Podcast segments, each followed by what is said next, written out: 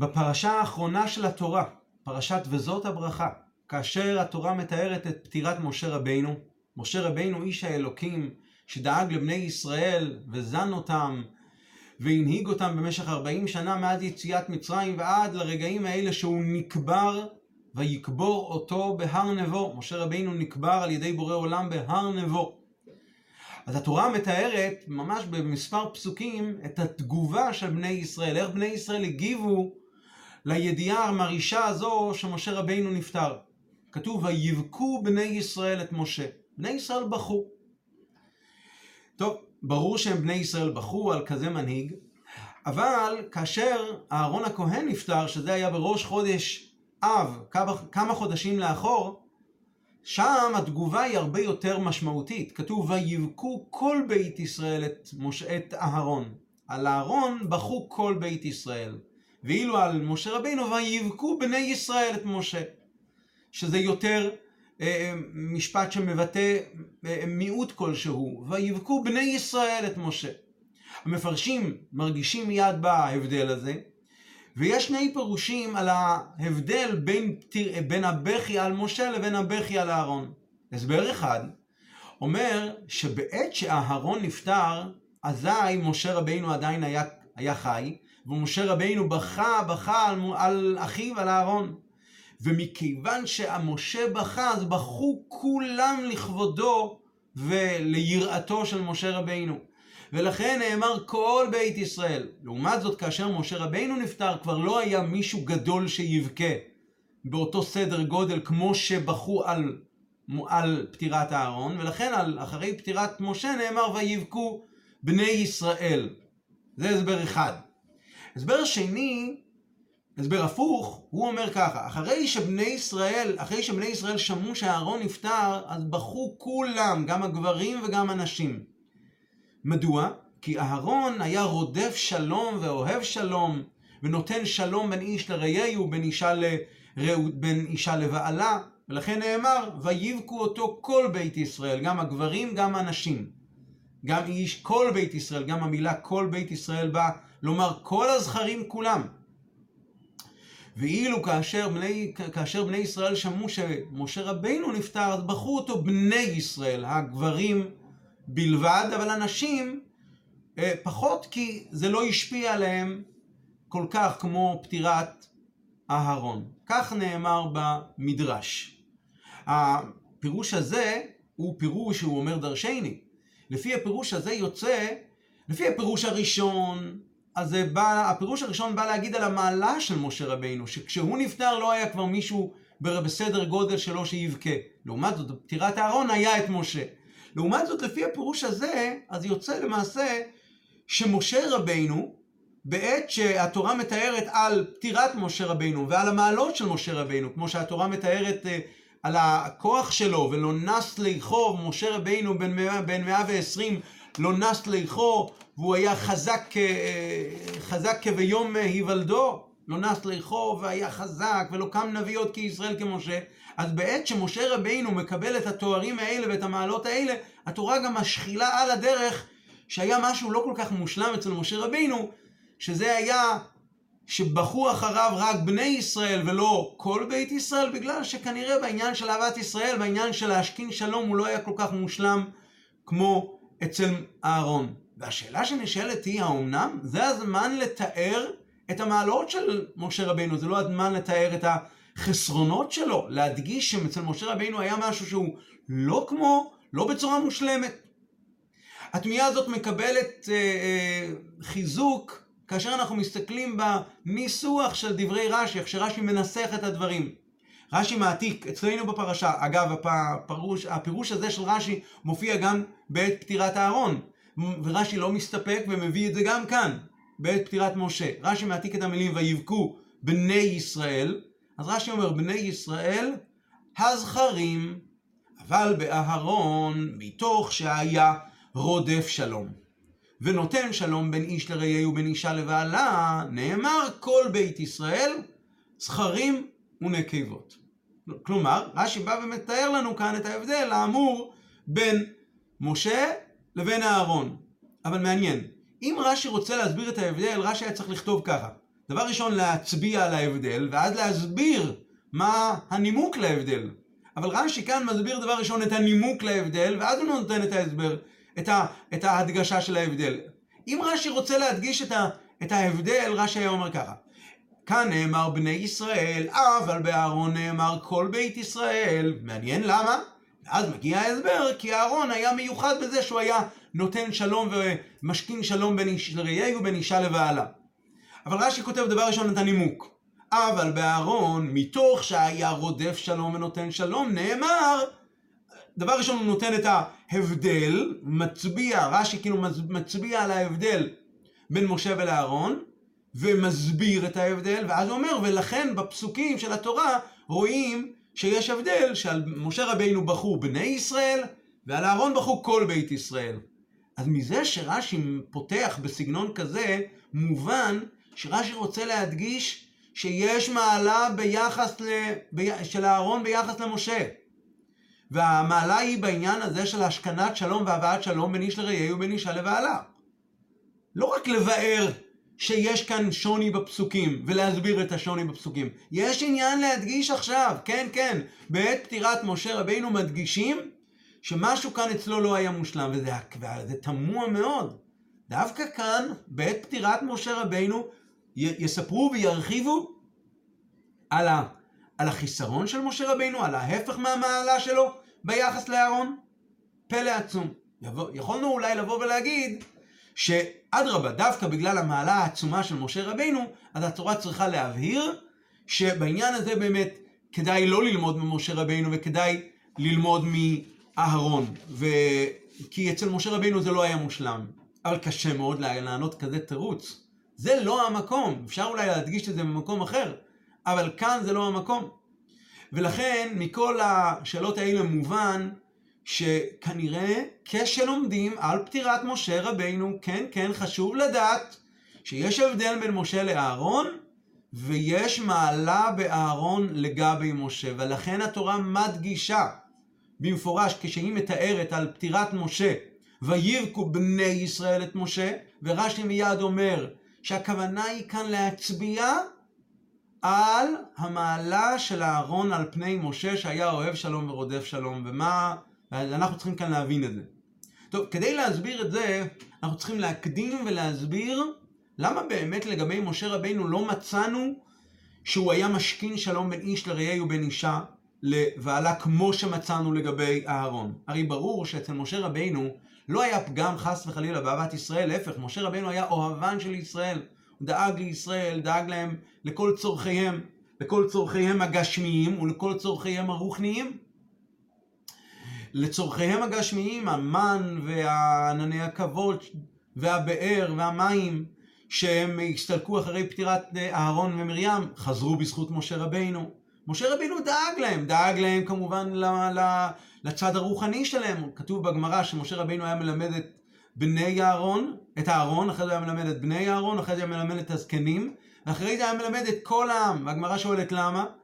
למה שמשה, שאהרון ילמד את כל העם, שהזקנים ילמדו את כל העם, מה שהם שמעו ממשה, והגמרא מדגישה שמשה רבינו רצה ללמד את כולם כי זה אחרת.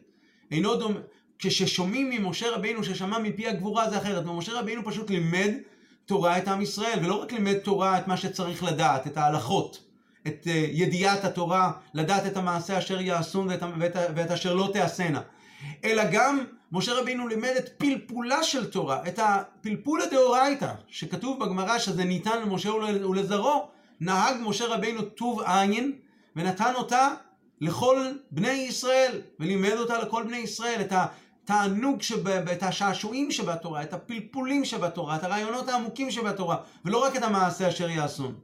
אז ברור שמשה רבינו, שהוא דואג לעם ישראל רוחני וגשמי, ברור שכנראה יש סיבה למה הוא לא נהג כמו אהרון בעניין הזה של השכנת שלום ואהבת אהבת ישראל בין איש לרעהו ובין אישה לבעלה. נקודת ההסבר היא כזו, כתוב במפורש שאהרון היה באמת אוהב שלום ורודף שלום. הווי מתלמידיו של אהרון אוהב שלום ורודף שלום, והגמרא מתארת איך הוא היה עושה את זה. והגמרא אומרת שהוא היה עושה את זה בצורה שהיא הפך מן האמת. לא במובן של שקר, אבל הוא היה משנה מפני דרכי שלום. הוא, הדרך שבה הוא שיקן, הוא השכין שלום בין איש לרעהו היה בזה שהוא קצת שינה מהאמת, הוא היה מגיע למישהו, הוא היה אומר לו, שמעתי שחברך, זה שהסתכסכת איתו, הוא ממש בוכה, ממש רוצה להשלים איתך. ואז הוא היה הולך אל השני והיה אומר לו את אותם הדברים, וככה הם היו, ככה האנשים היו מתפייסים ביניהם. מעניין איך שלא עלו על הטריק הזה של מהרון, ככה הוא היה נוהג. וכתוב במדרש שהוא היה כל כך הצליח בעניין הזה, עד כדי כך שאחרי פטירתו אה, הלכו 80 אלף ילדים שהיו נקראים בשם אהרון על, שם, על שמו, בגלל שהם כביכול נולדו בעקבות ההשכנת שלום שעשה אהרון בין הוריהם. זאת אומרת שאהרון היה משהו מיוחד בעניין של השכנת שלום, אבל הוא עשה את זה בדרך שהיא לא בדרך של אמת, כמובן לא בדרך של שקר, אבל לא בדרך של אמת. הוא שינה מן האמת, ו... ועל ידי זה הוא השכין שלום. עכשיו, אצל אהרון אנחנו יודעים שבאמת הוא היה מידתו מידת החסד. ואילו אצל משה רבינו, משה רבינו מידתו הוא מידת האמת. ולכן בלתי אפשרי אצלו האופן הזה של השכנת שלום. הביטוי מותר לשנות, אגב לא כתוב לשקר, מותר לשנות מפני דרכי שלום, זוהי הוראה של התורה, זוהי הוראה של תורת אמת. נתן לנו תורת אמת, זה חלק מהוראה של תורת אמת. ובכל זאת, ו- וסביר להניח שגם משה רבינו בעצמו, שהוא מוסר את התורה לישראל, הוא מוסר להם את ההלכה הזו, שמותר לשנות בדבר של שלום, כדי לשנות על ידי, אבל בכל זאת, כאשר מדבר, מדברים על הייעוד שלו ועל המעשים שלו שקשורים להנהגה האישית שלו, לשליחות שלו בעולם הזה, דרך כזאת לא אפשרית, ולכן אה, אולי אפילו בעומק יותר, לרדת לרמה של אותם אנשים שהדרך היחידה להשכין שלום ביניהם זה רק על ידי שינוי מן האמת, משה רבינו כביכול לא שמה. עכשיו, מכיוון ששתי הדרכים האלה, הן הדרך של משה והן הדרך של אהרון, הם דרכים על פי תורה, זאת אומרת שיש מעלה בכל אחת מהן. המעלה של, היתרון והמעלה בדרכו של משה היא מובנת מאוד. אין כאן שום סטייה מן האמת. היתרון אבל בדרך של אהרון הוא כמובן שדווקא באמצעות הדרך הזו אפשר להגיע אל התחתון, אל אותו אחד שנמצא ברמה כזאת נמוכה רוחנית, שהדרך היחידה לשנות בעבורו, להשכין שלום איתו, זה רק על ידי השלום. ומעניין, אצל משה רבינו תמיד רואים את העניין הזה. משה רבינו טען כאשר הוא נשלח לבני, להציל את בני ישראל מפרעה, אז בשלב הראשון זה לא הצליח. אז הוא בא, משה רבינו, וטען, למה הריאות על העם הזה? השליחות שלי היא קשורה על העניין הזה של דרגת, דרגת משה רבינו, דרגת חוכמה דקדושה, צריך להבין בשכל שלו מצד האמת איך זה בדיוק עובד, למה הריאות על העם הזה. לעומתו, אהרון היה עניינו חסד. חסד, חסד אמר ייברא, כאשר נברא העולם והיה טענה על זה שהאדם, האדם הוא מלא שקרים. אמרה מידת החסד, חסד אמר ייברא, למרות שהעולם הוא מלא שקרים. חסד אמר ייברא. וזה מידתו של אהרון מידת האמת, מידת החסד, ואילו משה רבינו שמידתו היא מידת האמת, לא שייך לשנות כאן מהעניין הזה. השאלה שנשאלת היא, אוקיי, הבנו, אבל למה מדגישים את זה דווקא בפטירת משה רבינו? למה חשוב להדגיש את הפרט הזה דווקא בפטירת משה? והתשובה היא מדהימה. במשך ימי חיי משה רבינו, כשהוא היה עסוק בשליחות שלו, במילוי השליחות שלו פה בעולם הזה, אז הוא היה כל, כל כולו כל כך עסוק בשליחות שלו ובדרך איך של, של נשמתו, שנשמתו היא ממידת האמת, ולכן הוא בכלל לא שם לב מה קורה בדיוק עם שאר הדרכים.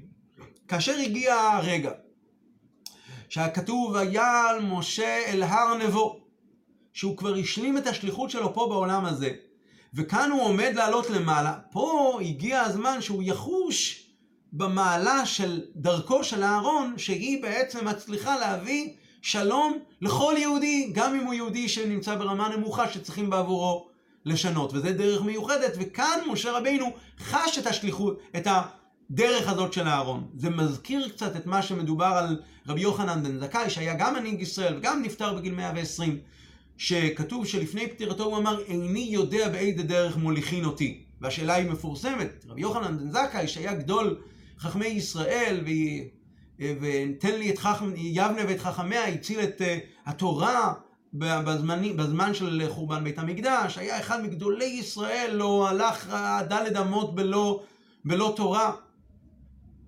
וידע את שפת העופות ושפת, ושפת הצמחים, והיה כל כך חכם גדול וכזה צדיק גדול. איש כזה אומר לפני פטירתו, איני יודע באיזה דרך מוליכין אותי. בוודאי ובוודאי שהוא היה זהיר בסור מרע ובעשה טוב. הוא יש לו ספק האם הוא יהיה, יהיה לו גן עדן או גיהנום? אז מוסבר בספרים, מוסבר בספרי החסידות, בספרי המוסר, מוסבר שבאמת רבי יוחנן בן זכאי ידע שבכוחות הגלויים שלו, העבודה שלו היא מושלמת. הוא ידע את זה. היה לו אבל ספק האם את הפעולה שהוא, את הפעולות שהוא עשה במשך ימי חייו בעולם הזה, הוא עשה את זה מצד עצם נשמתו? מה קורה בעצם נשמתו פנימה? ברבדים שהם למעלה מהגילוי, באותם רבדים פנימיים בנפש, האם באמת הוא היה אה, אה, אה, מזוהה לגמרי עם העבודה הזאת? וזה היה הספק אצל רבי יוחנן בן זכאי, איני יודע באיזה דרך מוליכין אותי.